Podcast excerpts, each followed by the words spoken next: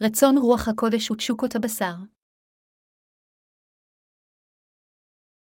אל הגלתים 5.213-26 כי אתם אחי לחירות נקראתם, ובלבד שלא תהיה החירות צבא לבשר אלא שתאבדו איש את רעהו באהבה. כי קל התורה כלולה במצווה האחת הזאת, ואהבת לרעך כמוך. אבל אם תנשכו ותאכלו איש את אחיו ראו פן תאכלו איש על ידי רעהו. והנה אמר התהלכו ברוח ולא תמלאו את תאוות הבשר. כי הבשר מתאווה הפך מן הרוח, והרוח הפך מן הבשר, ושניהם מתקוממים זה לזה, ובכן אין אתם עושים את אשר תחפצו. ואם יהיה הרוח מנהיגכם, אז אינכם תחת התורה. ונודים המה פעלי הבשר אשר הם נאפים זנות טמאה וזימה. עבודת אלילים וכשפים, איבות ומצה וקנאה, ורגז מריבות מחלקות וחטות. עין רעה ורצח שכרון, וזולות ודומיהם אשר אמר מה שכבר אמרתי, כי השיא אלה לא ינחלו מלכות האלוהים. ופרי הרוח הוא אהבה שמחה, ושלום ערך רוח, ונדיבות וחסד ואמונה. והנבר ופרישות לנגד השיא אלה אין תורה. ואשר הם למשיח צלבו את בשרם עם תשוקותיו ותאוותיו. אם נחיה ברוח נתהלכה גם ברוח, ולא נרדף אחרי כבוד שו להכעיס איש את רעהו ולקנא איש את רעהו. מהי המשמעות בשבילנו לחיות על פי רצון רוח הקודש? בקטע כתב הקודש של היום פאולוס היא שליח אמר, התהלכו ברוח, מה, אם כן, המשמעות הזו בשבילנו הנולדים מחדש ללכת באמת אחר רצון הרוח לפני אלוהים. זה לחיות סוג חיים המשמח את אלוהים, כלומר, להשמיע את בשורת המים והרוח לנשמות אחרות שגם הן יוכלו לקבל את מחילת חטאיהם. מה שמעורר את רצון הרוח בתוכנו וגורם לנו לחיות בהתאם לרצונות אלה, היא האמונה הנמצאת בבשורת המים והרוח. כדי להשיג אמונה זו, כולם חייבים להאזין לבשורת המים והרוח אם נאמין בבשורת המים והרוח בלי בנו, אנו נתעורר לרצון רוח הקודש. ברגע שרוח הקודש שוכנת בלי בנו, היא מעוררת את רצונה בנו כך שנוכל ללכת אחר רצון האלוהים. בכל אופן, זה נראה כאילו אפילו הנולדים מחדש יותר נוטים להבחין בין תשוקת הבשר לרצון הרוח. לעתים תכופות הרבה יותר, איננו רגישים מספיק להבחין ברצון זה של רוח הקודש, ואנו נותנים לזה לחמוק לידינו. לכן אתם ואני צריכים להיות יותר מודעים לרצון רוח הקודש המתעוררת בליבנו, וברגע שנרגיש בכך, עלינו לתת לזה לעבור ליד אלא ללכת אחר זה באמונה. למעשה, לחיות חיי אמונה זה לחיות על פי רצון רוח הקודש. כל יום, אנו חושבים כיצד אנו יכולים להפיץ את פשורת המים והרוח לכל הנשמות. זוהי שמחה לראות שכן אשר נוסע כתוצאה מלימוד הבשורה שלנו, אך ברגע שאנו תואמים שמחה זו, אנו חושבים כיצד אנו יכולים להשמיע את הבשורה לא רק לנשמות שמסביבנו, אלא לכל אומה בעולם, ואנו חושבים מה צריך לעשות כדי ללמד את הבשורה לכל הנשמות בכל רחבי העולם. לכן אנו בזהירות שוקלים האם אנו זקוקים לחוברות או לספרים וכיצד אנו יכולים לעודד שותפים לעבודה בכל ארץ. לכן, אנו לעתים קרובות עורכים כנסי התעוררות להושיע את הנשמות של אזור ספציפי. כל המחשבות האלה נובעות מרצון רוח הקודש. לפיכך, אלה אשר הולכים אחר רצון רוח הקודש מוכנים לעשות הכל למען הפצת הבשורה. על הצדיקים לחיות בחריצות בהתאם לרצון הרוח, להשמיע את דבר האלוהים באמצעות הספרות או כנסי ההתעוררות. אם נלך אחר תשוקות הבשר במקום אחר רצון הרוח, אנו נהפוך לאנשים גשמיים, אך אם נחזיק ברצון הרוח ונלך אחריה, אנו נהפוך למשרתי הבשורה המולכים נשמות אחרות לישועה. האם רצון רוח הקודש מתעורר בלבכם? האם אתם מחזיקים ברצונות אלה של הרוח כאשר הם מתעוררים? אתם ואני חייבים לציית לרצון רוח הקודש. למי עלי להשמיע את קשורת המים והרוח היום ולהוביל אותו לישועה, רצונות כאלה של רוח הקודש הם הכרחיים בשבילנו וכולנו חייבים למעשה לחיות בהתאם לרצונות הרוח. הסיבה לכך שאנו מנהלים את בית הספר של המיסיון הזה זה גם כדי ללכת אחר רצון רוח הקודש כדי להושיע נשמות. בית הספר של המיסיון שלנו הוא לא מקום שבו לומדים את תורת הנאום כדי לדרוש או מיומנות הוראה כדי סתם להעביר ידע. כדי ללכת ולשרת את רצון רוח הקודש, להתהלך על ידה, ולציית לשאיפתה להשמיע את הבשורה ולהושיע נשמות, אנו מנהלים את בית ספר המיסיון שלנו. פאולוס השליח אמר שהצדיקים אשר קיבלו את מחילת חטאיהם אל להם לקחת את החירות שניתנה כהזדמנות למלא את תשוקות הבשר, אלא כדי לשרת אחד את השני באמצעות האמונה. זוהי הסיבה לכך שהוא אמר, כי כל התורה כלולה במצווה האחת הזאת, ואהבת לרעך כמוך, אל הגלתיים חמש וארבע עשרה דקות. בציות לדבר האל המצווה אותנו לאהוב את רענו כמונו, אנו הנולדים מחדש אכן צריכים לחיות את חיינו כדי להשמיע את קשורת המים והרוח לכל הנשמות שעדיין לא שמעו את הבשורה המקורית הזו. מה אם לא כך זה ללכת אחר רצון רוח הקודש? אם נקנה אחד בשני בהתאם לתשוקות הגשמיות שלנו, אז בסופו של דבר אנו נתמודד אחד נגד השני ללא תועלת רק כדי למות בסוף. לכן פאולוס הזהיר אותנו, אבל אם תנשכו ותאכלו איש את אחיו ראו פן תאכלו איש על ידי רעהו. אל הגלתיים חמש וחמש עשרה דקות, והוא המשיך להגיד, והני אמר התהלכו ברוח ולא תמלאו את תאוות הבשר, אל הגלתיים חמש ושש עשרה דקות. אם נשרת את פשורת האלוהים של המים והרוח כעדיפות הראשונה שלנו, אז תאוות הבשר לעולם לא יתמלאו. בכל אופן, אם נלך אחר תאוות הבשר במקום אחר רצון הרוח, אז בסופו של דבר נמלא את תאוות הבשר. זוהי הסיבה מדוע אתם ואני חייבים לחיות את חיינו בהתאם לרצון הרוח כשאנו שמים את אמונתנו בבשורת המים והרוח. אם נשים בסדר עדיפות את הפעולות הרוחניות, אז תשוקות הבשר ייעלמו בצורה טבעית. מצד שני, אם נכשל ללכת על פי רצון הרוח, אז בוודאות ניווכח שאנו הולכים על פי תאוות הבשר. פאולוס השליח הבהיר זאת בספר זה של אל הגלתיים של ללכת על פי רצון הרוח, זה מה אם לא ללכת על פי בשורת המים והרוח. רצון רוח הקודש מאיתנו זה ללכת אחר בשורת המים והרוח ולהתאחד עם כנסיית האלוהים. אם אנו המאמינים בבשורת המים והרוח נלך אחר תשוקות הבשר, אז בסופו של דבר אנו נזנח כל דבר שהוא רוחני. אין שום סיבה אחרת מדוע אנשים מסוימים אינם מתאחדים עם כנסיית האלוהים אפילו לאחר שנולדו מחדש, זה בגלל שהם הולכים אחר התשוקות הגשמיות שלהם במקום אחר רצון רוח הקודש. לכן, אפילו אם האדם נולד מחדש, כל עוד הוא לא ילך אחר רצון רוח הקודש, הוא לא יוכל לנהל חיי אמונה בצורה הולמת ואמונתו תפשוט רגל בסוף. תמיד יש לנו שתי סוגי תשוקות, אחת של הרוח והאחר של הבשר, הם באופן הדדי סותרות כך שאם נלך קודם אחר רצון הרוח, אנו נוכל בצורה טבעית להימנע מלמלא את תשוקות הבשר. במילים אחרות, אם נלך אחר רצון הרוח, אנו נשמיע את הבשורה לנשמות אחרות אף יותר, וככל שנשמיע יותר את פשורת המים והרוח, יהיו לנו פחות הזדמנויות ללכת אחר תשוקות הבשר. לכן אנו ננהל חיים רוחניים אף יותר. זהו בדיוק מה שאלוהים אומר לנו ללכת על פי רוח הקודש. מה המשמעות מבחינתנו ללכת על פי הרוח? הבה נחשוב על מה שאנו עושים עתה. אנו עתה משרתים את פשורת המים והרוח, עובדים באופן בלתי נלאה להפיץ בשורה זו ומתפללים לפרסומה. למרות שאנו מותשים מהקדשת כל חיינו להפצת הבשורה, מוחנו עדיין נשאר דרוך ואנו חיים על פי רצונות רוח הקודש. אפילו בשעה זו של האזנה לדרשה, בכל אופן, זה אפשרי מבחינתו ללכת אחר תשוקות הבשר. אנו יכולים להירדם בזמן שעת עבודת האל הזו. אך אם זה יקרה, אנו לא נהיה מסוגלים להאזין לדבר האל, ולכן אנו משאירים את מוחנו ער כדי לשמוע את דבר האל. זה מפני שלכם ולי יש את רצון רוח הקודש. וזה גם מכיוון שאנו רוצים לציית למה שאלוהים ציווה אותנו לחיות בהתאם לרצון רוח הקודש, ואנו רוצים למצוא סיפוק אמיתי על ידי מילוי רצונות אלו של רוח הקודש. חבריי המאמינים, ישנם זמנים שתשוקת לבכם היא לשרת את ישוע ולהשמיע את הבשורה.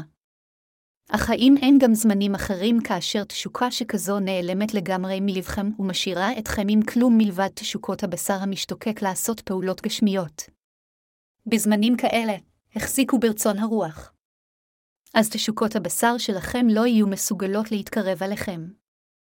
ליבנו כנולדים מחדש הוא כמו חתיכת ספוג, סופג את מה שהוא חשוף אליו. אם נלך אחר תשוקות הבשר, אנו נהיה רביבים בתשוקות גשמיות. אך אם נלך אחר תשוקות הרוח, ליבנו יהיה רווי בתשוקות הרוח. כאשר אנו נשמיע את הבשורה בהתאם לרצון רוח הקודש, נשרת את הבשורה, נתמוך בהפצתה, ונצא החוצה ונשמיע אותה בעצמנו, ליבנו יהיה שקוע בעבודת צדק אלו, ולא ישאיר שום חדר לתשוקות הבשר לזחול אלינו. אם, מצד שני, נעשה את עבודת הבשר, אז ליבנו יהיה רווי בתשוקות הבשר, בדיוק כפי שחתיכת ספוג ספוגה במים. עלינו להבין שזה תלוי היכן העניין שלנו נמצא ואחר אילו תשוקות אנו הולכים, ליבנו לגמרי יהיה טבול בכך, ולכן אנו חייבים ללכת אחר תשוקות הרוח. ישוע אמר לנו, ואהבת לרעך כמוך, מתי תשע עשרה ותשע עשרה דקות.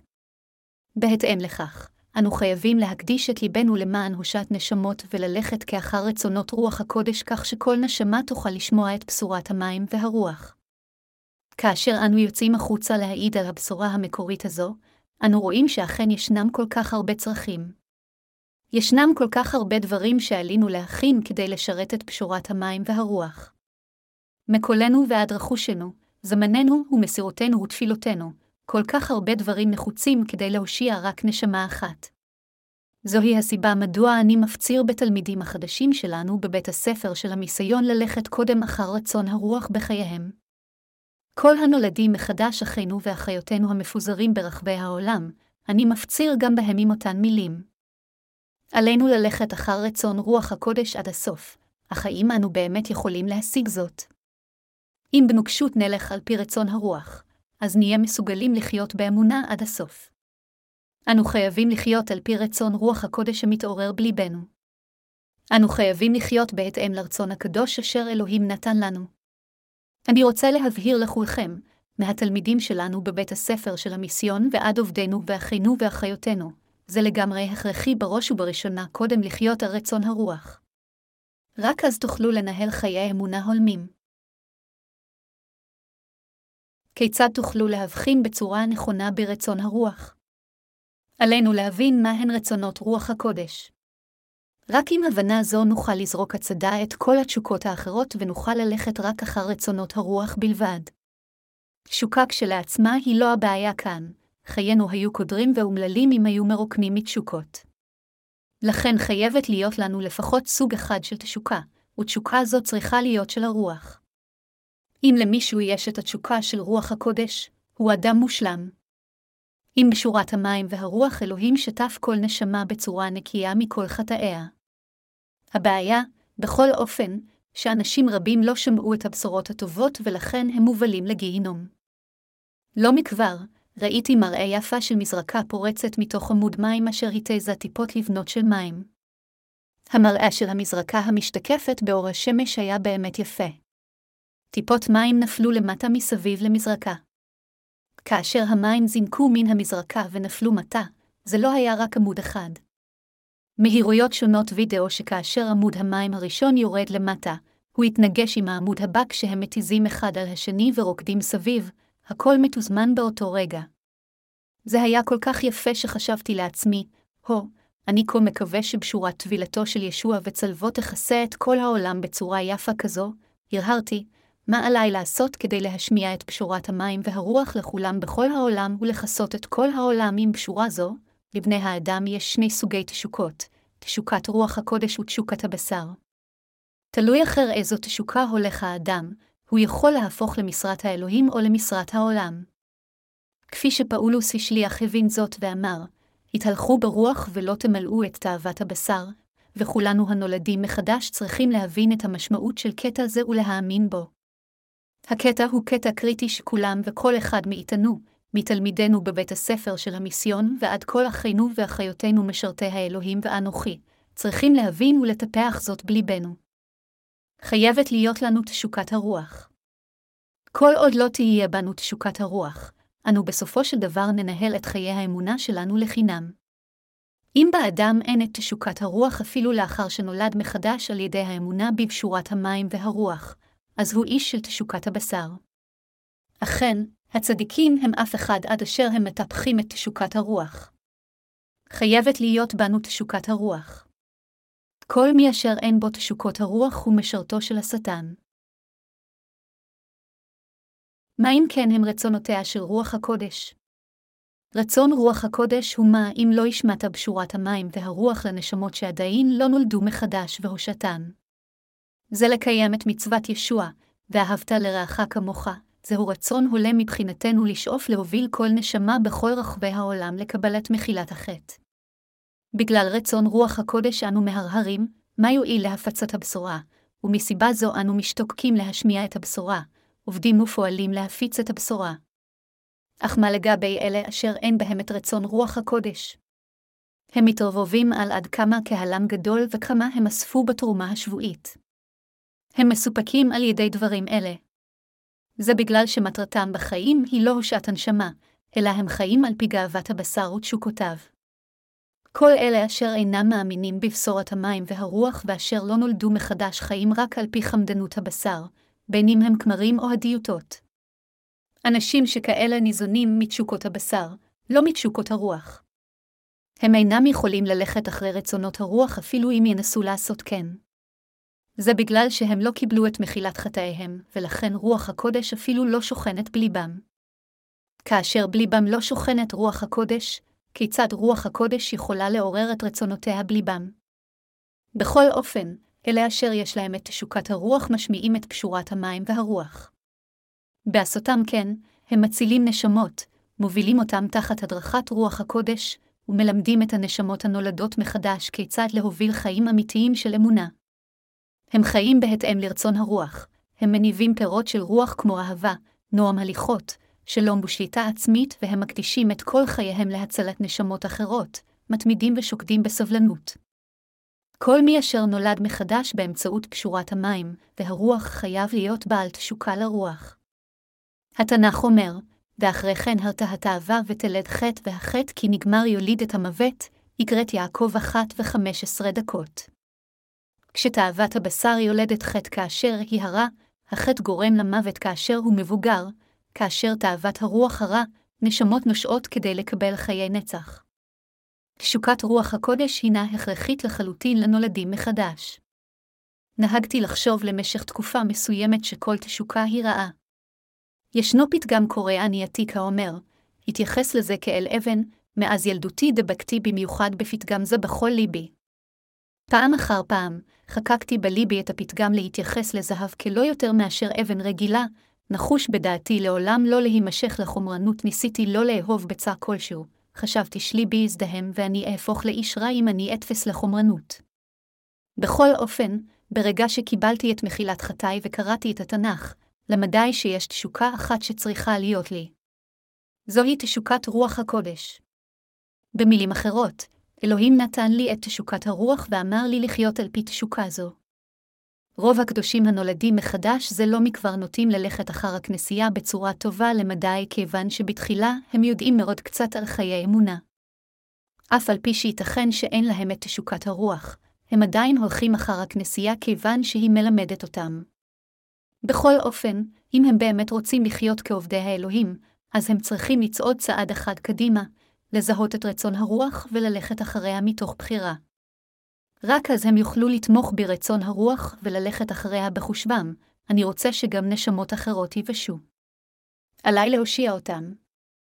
עליי להכין כל מה שדרוש כדי להושיע נשמות אחרות, אני באמת אסיר תודה שיש לנו תשוקות כאלה של הרוח בליבנו. כאשר תשוקות רוחניות שכאלה מתעוררות בליבנו, עלינו לשים אותן בצד על ידי התעלמות מהן. עלינו לכבות את תשוקות הרוח. אם נסיר את תשוקת רוח הקודש ברגע שהיא מתעוררת, לא יישאר לנו כלום. זוהי הסיבה מדוע אנו הצדיקים לעולם עלינו לדכא או לחסל את תשוקת הרוח. כל פעם שתשוקת הרוח מתעוררת בנו, עלינו להבין שרחוק מלפגוע בנו, היא במידה עצומה מועילה לנשמותינו, וכל פעם שתשוקת הרוח המועילה מתעוררת, עלינו ללכת אחריה מיד. כאשר מתעוררת בנו התשוקה להשמיע את הבשורה, עלינו פשוט להשמיע את הבשורה, וכאשר מתעוררת בנו התשוקה לשרת את הבשורה בכל כוחנו, עלינו פשוט להתאמץ מאוד לשרת את הבשורה. אנו משרתים את הבשורה בצורות רבות ושונות, וישנם זמנים שבו אנו תורמים את כספינו לכנסייה למען הפצת הבשורה. לפעמים, תשוקת הרוח המתעוררת בנו מדרבנת אותנו לתת יותר.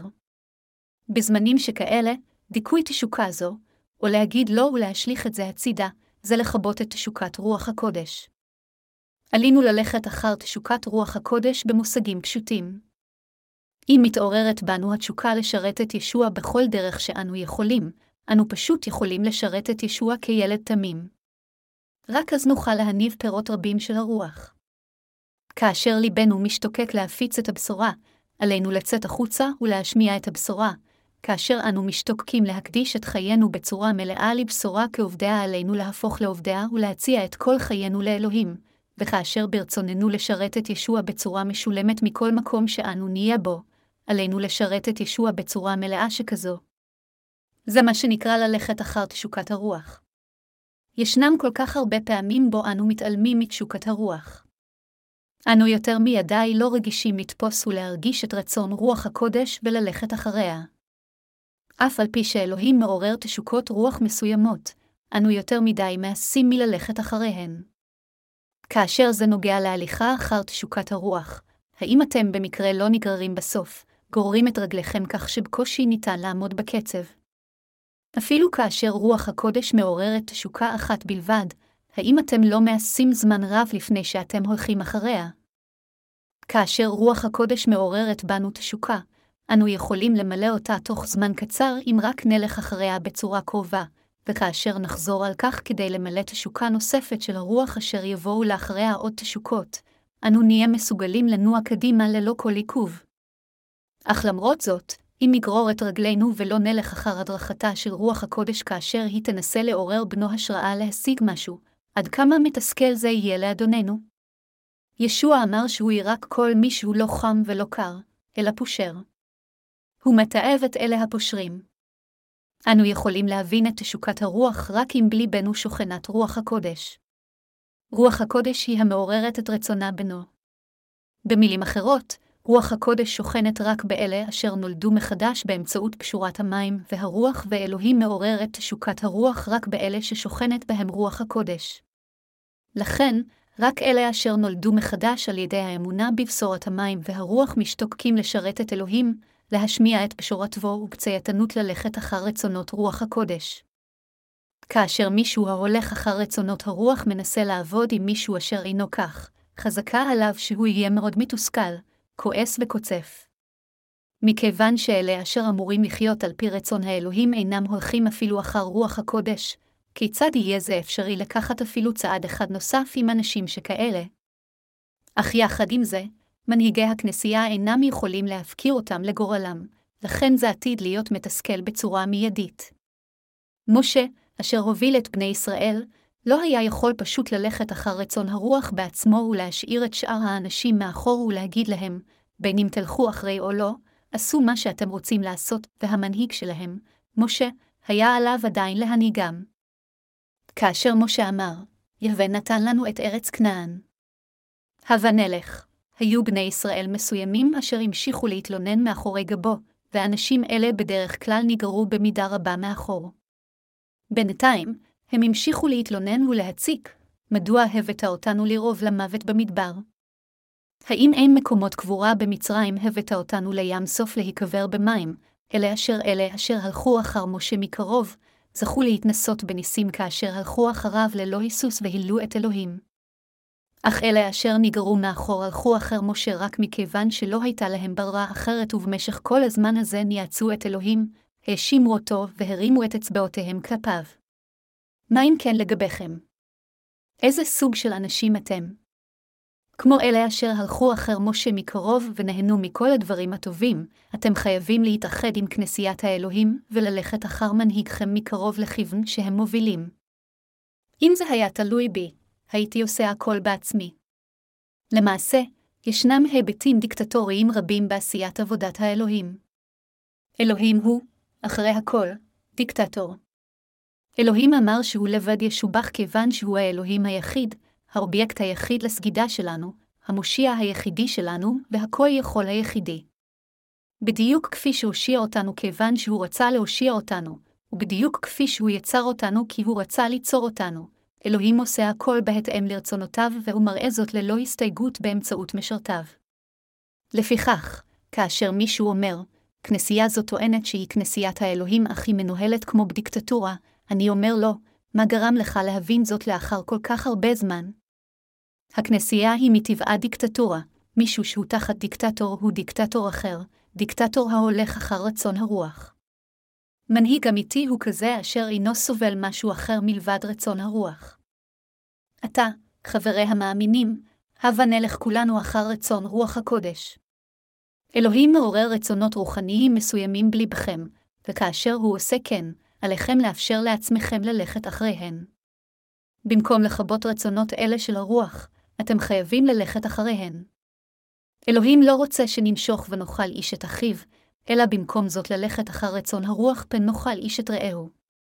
במקום להיות נלהבים להפיץ את בשורת המים והרוח ולהתעניין בעבודה אשר מושיעה נשמות, אם נהיה עסוקים רק בלרומם את עצמנו ונתווכח מי יותר טוב, זה יחבל בהצלחת הבשורה להתפשט או יחתים את המוניטין של איש את רעהו עם שמועות חסרות בסיס, אז נמצא את עצמנו לא עושים דבר אלא עומדים כנגד רוח הקודש. מה אם לא זה תהיה בקשה להרס עצמי והליכה אחר תאוות הבשר? הדתות הרבות שבעולם והערכים החילוניים אשר מגרות את תאוות הבשר לא משאירות אותנו לבד, אותנו המאמינים בבשורת האמת של המים והרוח. כאשר איננו הולכים אחר תאוות הבשר, אנו חלשים במונחים גשמיים. לכן עלינו להבין עד כמה העולם מנסה בהתמדה לתקוף אותנו בנקודות חולשה אלו.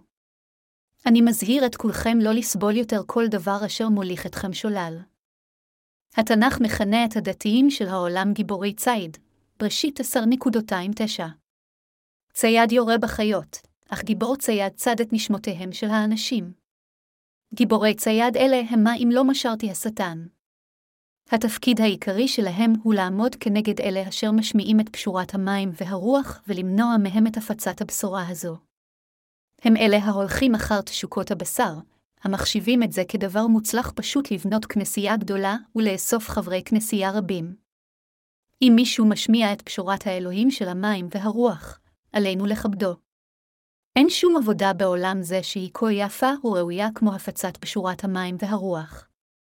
למרות שיש אנשים רבים בעולם אשר מעלים דבר האלוהים בדרשבותיהם, רק מעטים למעשה מדברים על האמת של מחילת החטאים עם בשורת המים והרוח. לא משנה עד כמה יצטיין הדרשן בהבעת דרשבותיו, אם הוא לא ידרוש על בשורת המים והרוח בדרשבותיו, אז אי אפשר לתאר אותו כדרשן אמת. ללא קשר עד כמה הדרשן יהיה מצוין, הוא אינו יקר ערך כמו הדורשים על בשורת המים והרוח.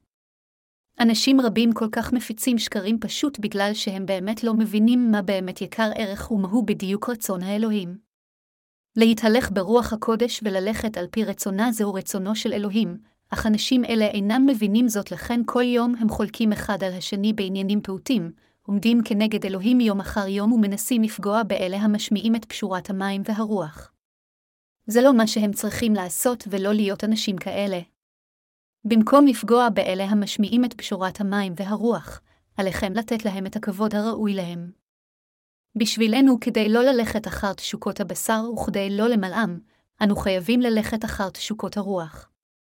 אם נלך אחר תשוקת רוח הקודש, אז בצורה טבעית, זה יהיה בלתי אפשרי למלא אחר תשוקות הבשר, כיוון שאף אחד אינו יכול למלא שתי תשוקות מנוגדות לחלוטין בו זמנית. כאשר אתם יוצאים החוצה כדי לשאת עדות בזמן שעת ארוחת הצהריים, האם אתם יכולים לחטוף תנומה באותו זמן? לא, אינכם יכולים לעשות זאת ביחד. אם תלכו אחר תשוקת הרוח, אז זהו רק דבר מובן מאליו שלא תהיו מסוגלים ללכת אחר תשוקות הבשר. במילים אחרות, אם האדם הולך אחר תשוקת הרוח, אז תשוקות הבשר תיעלם בצורה טבעית בדיוק כפי שאף אחד אינו יכול לדרוש על דבר האל ולעשות חטא באותו זמן. אנו מתגברים על תשוקות הבשר לא על ידי פתרון עצמי או מאבק עצמי באמירה, אני אאבק ואנצח את תשוקות הבשר, במקום זאת, זה כאשר אנו הולכים אחר תשוקות הרוח, אנו לא הולכים יותר אחר תשוקותינו הגשמיות. כאשר אנו הולכים אחר תשוקות הרוח, תשוקות הבשר אינן יכולות אפילו לפעול, וכך רצון רוח הקודש גובר לחלוטין. אם אתם נכנסים לתחרות אגרוף ומתחרה שלכם לא מופיע לתחרות, אז אתם מנצחים לחלוטין וחגורת האליפות היא שלכם. באותו אופן, אם אנו מבצעים את עבודת האלוהים בחריצות, הולכים אחר רצון הרוח בחריצות ומשרתים את הבשורה בחריצות, אז לא יישאר זמן מיותר למלא את תשוקותינו הגשמיות ולכן תשוקת הרוח תשלוט בנו כברירת מחדל. כאשר אנו יוצאים החוצה כדי לשאת עדות, כיצד אנו יכולים לשבת בבית קפה או במרכז קניות. כאשר אנו עובדים קשה כדי למצוא מקורות פיננסיים לשרת את הבשורה, כיצד אנו יכולים אי פעם למצוא זמן ללכת לבית קולנוע ולראות סרט כל סוף שבוע. מכיוון שאין זמן לכך, אנו בצורה טבעית מוותרים על תשוקות הבשר. זו הדרך בה אנו יכולים להביס את תשוקות הבשר בקלות.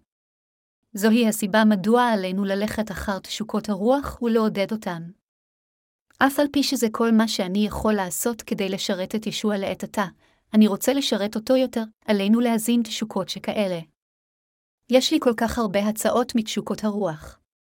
היום בו ישוע יחזור לעולם זה מתקרב ומתקרב. לכן זה מאוד מתסכל לא להיות מסוגל לקיים את כל ההצעות המתקבלות באמצעות תשוקת הרוח. להוציא לאור ספרי בשורה רבים ככל שנוכל זהו גם עידוד אשר יתקבל מתשוקת הרוח. אם אלו מקורות פיננסיים, אם כן אנו יכולים להוציא לאור ספרות רבה ושונה של הבשורה ואת ספרינו של גדילה רוחנית. אם נעודד ונזין את הדחיפה הניתנת לנו על ידי רצון רוח הקודש, אין שום סיבה מדוע לא נמצא את המקורות הפיננסיים, או סיבה מדוע לא נוכל להוציא לאור את ספרינו בכל עולם בכל שפה שהיא. עד עתה, הוצאנו לאור בערך 200 כותרים בעשרות שפות. כסף רק הלך למטרה זו. זה הכל תוצר של עידוד אשר ניתן על ידי תשוקת הרוח. הקמת כנסיות זו גם תוצאה של עידוד אשר ניתן לנו על ידי תשוקת הרוח. תהינו כיצד נוכל להקים כנסיות ברחבי קוריאה, אך מכיוון שבליבנו הייתה תשוקת הרוח, אנו השגנו זאת עקב העידוד אשר ניתן לנו. בנחישות לבצע עבודה זו, אנו הקמנו כנסיות חדשות על ידי אמונה כיוון שהשתוקקנו לשרת את הנשמות שם. זה גם על ידי עידוד תשוקת הרוח ששלחנו מיסיונרים לסין לשרת שם על מנת להושיע את נשמות הסינים מהחטא. זה שאנו מנסים להשמיע את הבשורה בכל רחבי העולם זו גם תוצאה של עידוד שנתלנו באמצעות רצון רוח הקודש. כפי שאדונינו אמר, אבל תשעו גבורה בבוא עליכם רוח הקדש, והייתם עדי בירושלים, ובכל יהודה ובשומרון, ועד קצה הארץ, מעשה השליחים 1.28. אדונינו רוצה שכולם יבשו מן החטא. להעריך ולציית לרצון האלוהים זה ללכת אחר תשוקות הרוח. לפיכך, עלינו להיות עם תשוקה לדברים גשמיים, אלא חייבת להיות לנו תשוקה חזקה מעידוד רב אשר מתקבלת כאשר זה נוגע לעניינים רוחניים. המיסיון שלנו החל בשירות העולמי שלא מאוחר מאוד. אך למרות זה, הוא צמח והפך גדול יותר מכל ארגון מיסיונרי אחר. אינני מתרברב שגודל האספה שלנו גדול יותר מכל קהילה נוצרית אחרת, אלא אני רק אומר שבגלל שהלכנו אחר תשוקת הרוח, זה אכן אפשר לנו לדרוש על הבשורה המקורית ברחבי כל העולם. במפגשים של הנוצרים של העולם, אין את פשורת המים והרוח, ולכן שום התקדמות רוחנית לא נעשית שם אפילו לאחר זמן רב. אם נעבוד קשה רק עוד שלוש שנים, אנו נכסה את כל העולם עם בשורת המים והרוח. זה יתגשם ללא ספק, כיוון שזה רצון רוח הקודש. שלא כמו הכנסיות הגשמיות אשר אינן מודרכות על ידי רוח הקודש או אשר אין להם אפילו מנהיגים רוחניים, לנו יש רצון ברור של רוח הקודש כיוון שאנו מאמינים בבשורת האמת של המים והרוח. לכן, אנו נמלא את רצון האלוהים על פי תשוקת הרוח הזו.